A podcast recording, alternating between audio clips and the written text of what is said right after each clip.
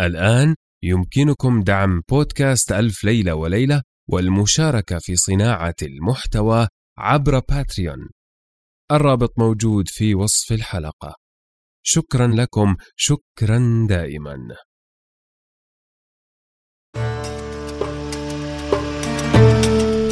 كان يا مكان في قديم الزمان وسالف العصر والأوان ملك يدعى شهريار يحب الاستماع لقصص الإنس والجان وكانت جاريته شهرزاد تقص عليه في كل ليلة قصة.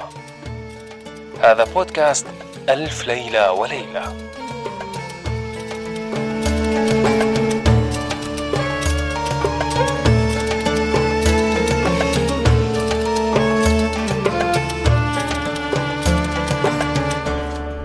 هذه قصص ألف ليلة وليلة. الليلة السادسة والعشرون.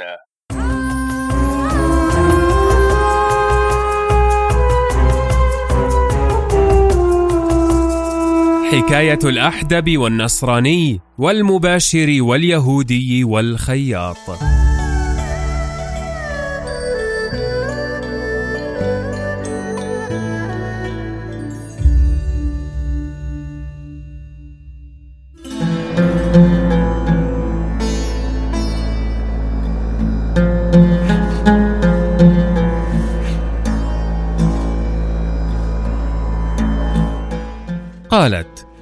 بلغني أيها الملك السعيد أن الشاب التاجر قال للنصراني فلما دخلت وجلست لم أشعر إلا والصبيه قد أقبلت وعليها تاج مكلل بالدر والجوهر فلما رأتني تبسمت في وجهي وحضنتني وقالت أصحيح أتيت عندي أم هذا منام؟ فقلت لها أنا عبدك.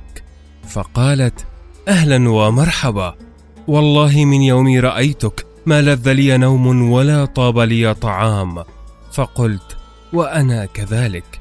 ثم جلسنا نتحدث حتى قدمت لي سفرة من أفخر الألوان من محمر ومرقق ودجاج محشي.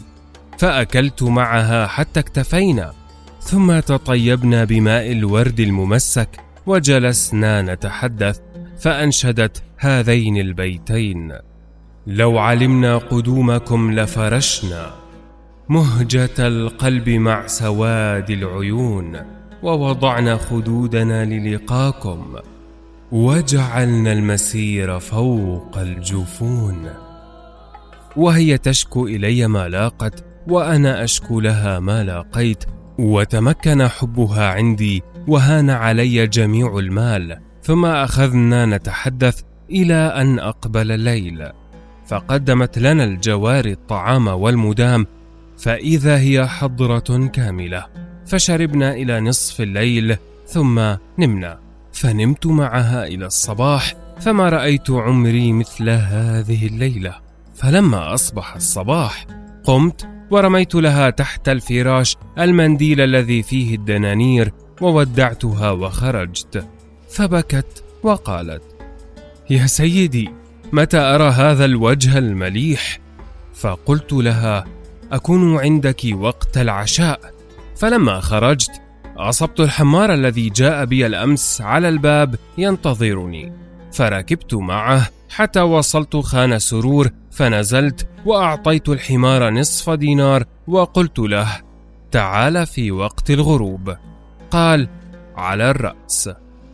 فدخلت الخانة وأفطرت ثم خرجت أطالب بثمن القماش ثم رجعت وقد عملت لها خروفا مشويا وأخذت حلاوة ثم دعيت الحمال ووضعت له المحل وأعطيته أجرته ورجعت في أشغالي إلى الغروب.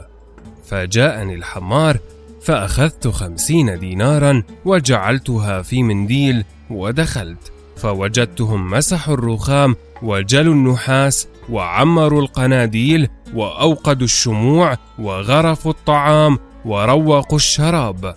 فلما رأتني رمت يديها على رقبتي وقالت أوحشتني. ثم قدمت الموائد فأكلنا حتى اكتفينا. ورفعت الجواري المائدة وقدمت المدام فلم نزل في شراب إلى نصف الليل. فنمنا إلى الصباح ثم قمت وناولتها الخمسين دينارا على العادة وخرجت من عندها فوجدت الحمار. فركبت إلى الخان فنمت ساعة ثم قمت جهزت العشاء فعملت جوزا ولوزا وتحتهم أرز مفلفل وعملت قلقاسا مقليا ونحو ذلك. وأخذت فاكهة وأرسلتها وسرت إلى البيت. وأخذت خمسين دينارا في منديل وخرجت ركبت مع الحمار على العادة إلى القاعة. فدخلت ثم أكلنا وشربنا ونمنا إلى الصباح. ولما قمت رميت لها المنديل وركبت إلى الخان على العادة. ولم أزل على تلك الحالة مدة إلى أن بت وأصبحت لا أملك درهما ولا دينارا. فقلت في نفسي هذا من فعل الشيطان وأنشدت هذه الأبيات. فقر الفتى يذهب أنواره كاصفرار الشمس عند المغيب. إن غاب لا يذكر بين الورى وإن أتى فما له من نصيب. يمر في الأسواق مستخفيا. وفي الفلا يبكي بدمع صبيب. والله ما الإنسان في أهله إذا ابتلى بالفقر إلا غريب. ثم تمشيت إلى أن وصلت بين القصرين ولا زلت أمشي حتى وصلت إلى باب زويلة فوجدت الخلق في ازدحام والباب منسدا من كثرة الخلق. فرأيت بالأمر المقدر جنديا فزاحمته بغير اختياري. فجاءت يدي على جيبه فجسيته فوجدت فيه صرة من داخل الجيب الذي يدي عليه فعمدت إلى تلك الصرة فأخذتها من جيبه فحس الجندي بأن جيبه خف فحط يده في جيبه فلم يجد شيئا والتفت نحوي ورفع يده بالدبوس وضربني على رأسي فسقطت على الأرض. فاحتاط بنا الناس وأمسكوا لجام فرس الجندي وقالوا من أجل الزحمة تضرب هذا الشاب هذه الضربة؟ فصرخ عليهم الجندي وقال هذا حرامي سارق. فعند ذلك أفقت ورأيت الناس يقولون هذا شاب مليح لم يأخذ شيئا. فبعضهم يصدق وبعضهم يكذب وكثر القيل والقال وجذبني الناس وأرادوا خلاصي منه. فبالأمر المقدر جاء الوالي هو وبعض الحكام في هذا الوقت ودخلوا من الباب فوجدوا الخلق مجتمعين علي وعلى الجندي. فقال الوالي ما الخبر؟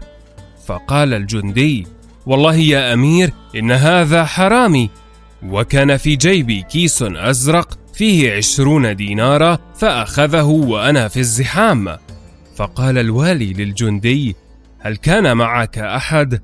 فقال الجندي لا. فصرخ الوالي على المقدم وقال امسك وفتش. فأمسكني وفتشني فقال له الوالي أعره من جميع ما عليه. فلما أعراني وجدوا الكيس في ثيابي. فلما وجدوا الكيس أخذه الوالي وفتحه وعده فرأى فيه عشرين دينارا كما قال الجندي. فغضب الوالي وصاح بأتباعه وقال قدموه! فقدموني بين يديه. فقال لي يا صبي قل الحق. هل أنت سرقت هذا الكيس؟ فأطرقت برأسي إلى الأرض وقلت في نفسي إن قلت ما سرقته. فقد أخرجه من ثيابي وإن قلت سرقته وقعت في العناء. ثم رفعت رأسي وقلت نعم أخذته. فلما سمع مني الوالي هذا الكلام تعجب ودعا الشهود. فحضروا وشهدوا على منطق هذا كله في باب زويلة فأمر الوالي السياف بقطع يدي. فقطع يدي اليمين فرق قلب الجندي وشفع في عدم قتلي وتركني الوالي ومضى. وصارت الناس حولي وسقوني قدح شراب. وأما الجندي فإنه أعطاني الكيس وقال: أنت شاب مليح ولا ينبغي أن تكون لصا، فأخذته منه وأنشدت هذه الأبيات: والله ما كنت لصا يا أخا ثقة، ولم أكن سارقا يا أحسن الناس، لكن لكن رمتني صروف الدهر عن عجل فزاد همي ووسواسي وإفلاسي وما رميت ولكن الإله رمى سهما فطير تاج الملك عن رأسي فتركني الجندي وانصرف بعد أن أعطاني الكيس.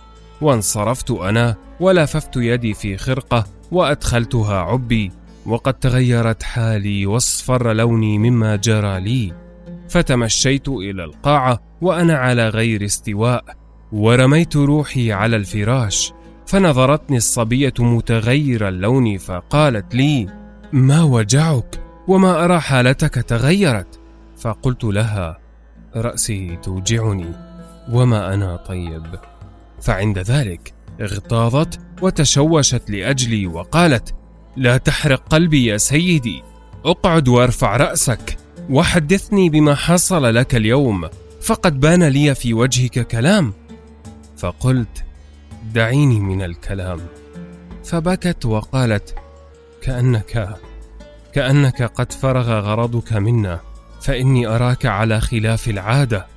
فبكت وصارت تحدثني وأنا لا أجيبها حتى أقبل الليل فقدمت لي الطعام فامتنعت وخشيت أن تراني آكل بيدي الشمال. فقلت لا أشتهي أن آكل في هذه الساعة. فقالت حدثني بما جرى لك في هذا اليوم ولأي شيء أراك مهموما مكسور الخاطر والقلب. فقلت في هذه الساعة أحدثك على مهلي.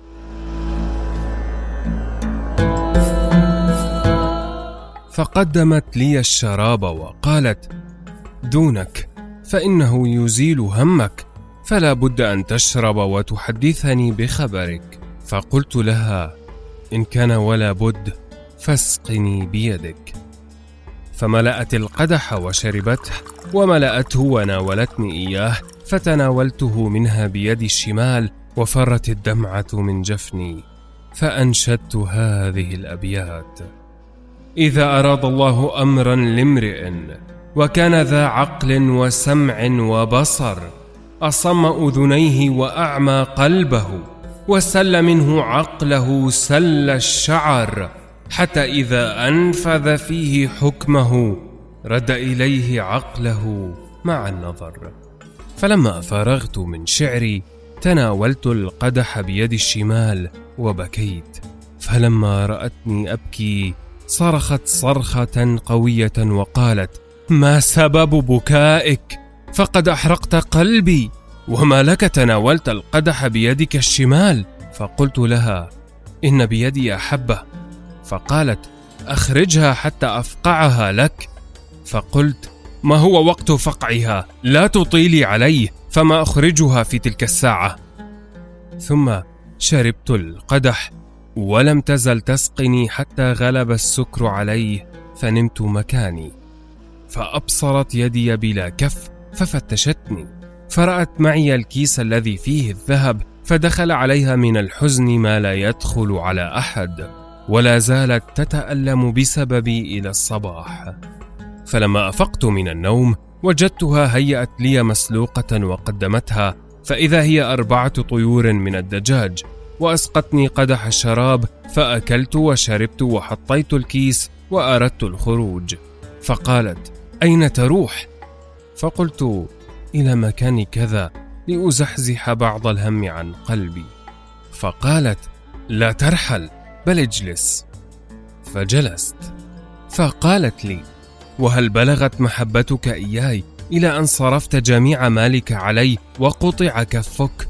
فأشهدك علي والشاهد الله أني لا أفارقك وسترى صحة قولي ولعل الله استجاب دعوتي بزواجك. وأرسلت خلف الشهود فحضروا فقالت لهم اكتبوا كتابي على هذا الشاب واشهدوا أني قبضت المهر. فكتبوا كتابي عليها ثم قالت اشهدوا أن جميع مالي الذي في هذا الصندوق وجميع ما عندي من الممالك والجواري لهذا الشاب فشهدوا عليها وقبلت أنا التمليك وانصرفوا. ثم أخذتني من يدي وأوقفتني على خزانة وفتحت صندوقا كبيرا وقالت لي انظر هذا الذي في الصندوق.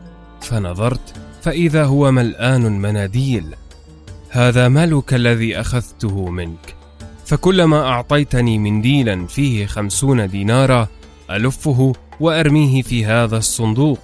فخذ مالك فقد رده الله عليك وأنت اليوم عزيز فقد جرى عليك القضاء بسببي حتى عدمت يمينك. وأنا لا أقدر على مكافأتك. ولو بذلت روحي لكان ذلك قليلا ولك الفضل. ثم قالت لي تسلم مالك. فتسلمته ثم نقلت ما في صندوقها إلى صندوقي وضممت مالها إلى مالي الذي كنت أعطيتها إياه وفرح قلبي وزال همي. فقالت كيف أقدر على مكافأتك؟ والله لو بذلت روحي في محبتك لكان ذلك قليلا. وما أقوم بواجب حقك علي ثم إنها كتبت لي جميع ما تملك من ثياب بدنها وصيغتها وأملاكها بحجة وما نامت تلك الليلة إلا مهمومة من أجلي حين حكيت لها ما وقع لي وبت معها ثم أقمنا على ذلك أقل من شهر. وقوي بها الضعف وزاد بها المرض ولا مكثت غير خمسين يوما. ثم صارت من أهل الآخرة فجهزتها وواريتها في التراب وتصدقت عليها بجملة من المال فرأيت لها مالا جزيلا واملاكا وعقارات. ومن جملة ذلك تلك المخازن السمسم التي بعت لك منها ذلك المخزن. وما كان اشتغالي عنك هذه المدة إلا لأني بعت بقية الحواصل وإلى الآن لم أفرغ من قبض الثمن. فأرجو منك أنك لا تخالفني فيما أقوله لك لأني أكلت زادك. فقد وهبتك ثمن السمسم الذي عندك فهذا سبب أكلي بيدي الشمال. فقلت له لقد أحسنت لي وتفضلت علي. فقال لي لا بد أن تسافر معي إلى بلادي فاني اشتريت متجرا مصريا واسكندرانيا فهل لك مصاحبتي؟ فقلت نعم. وواعدته على رأس الشهر. ثم بعت جميع ما أملك واشتريت به متجرا وسافرت أنا وذلك الشاب إلى هذه البلاد التي هي بلادكم. فباع الشاب متجره واشترى متجرا عوضه من بلادكم ومضى إلى الديار المصرية. فكان نصيبي في قعود هذه الليلة حتى حصل ما حصل في غربتي. فهذا يا ملك الزمان ما هو أعجب من حديث الأحدب؟ فقال الملك لا بد من شنقكم كلكم. وأدرك شهرزاد الصباح فسكتت عن الكلام المباح.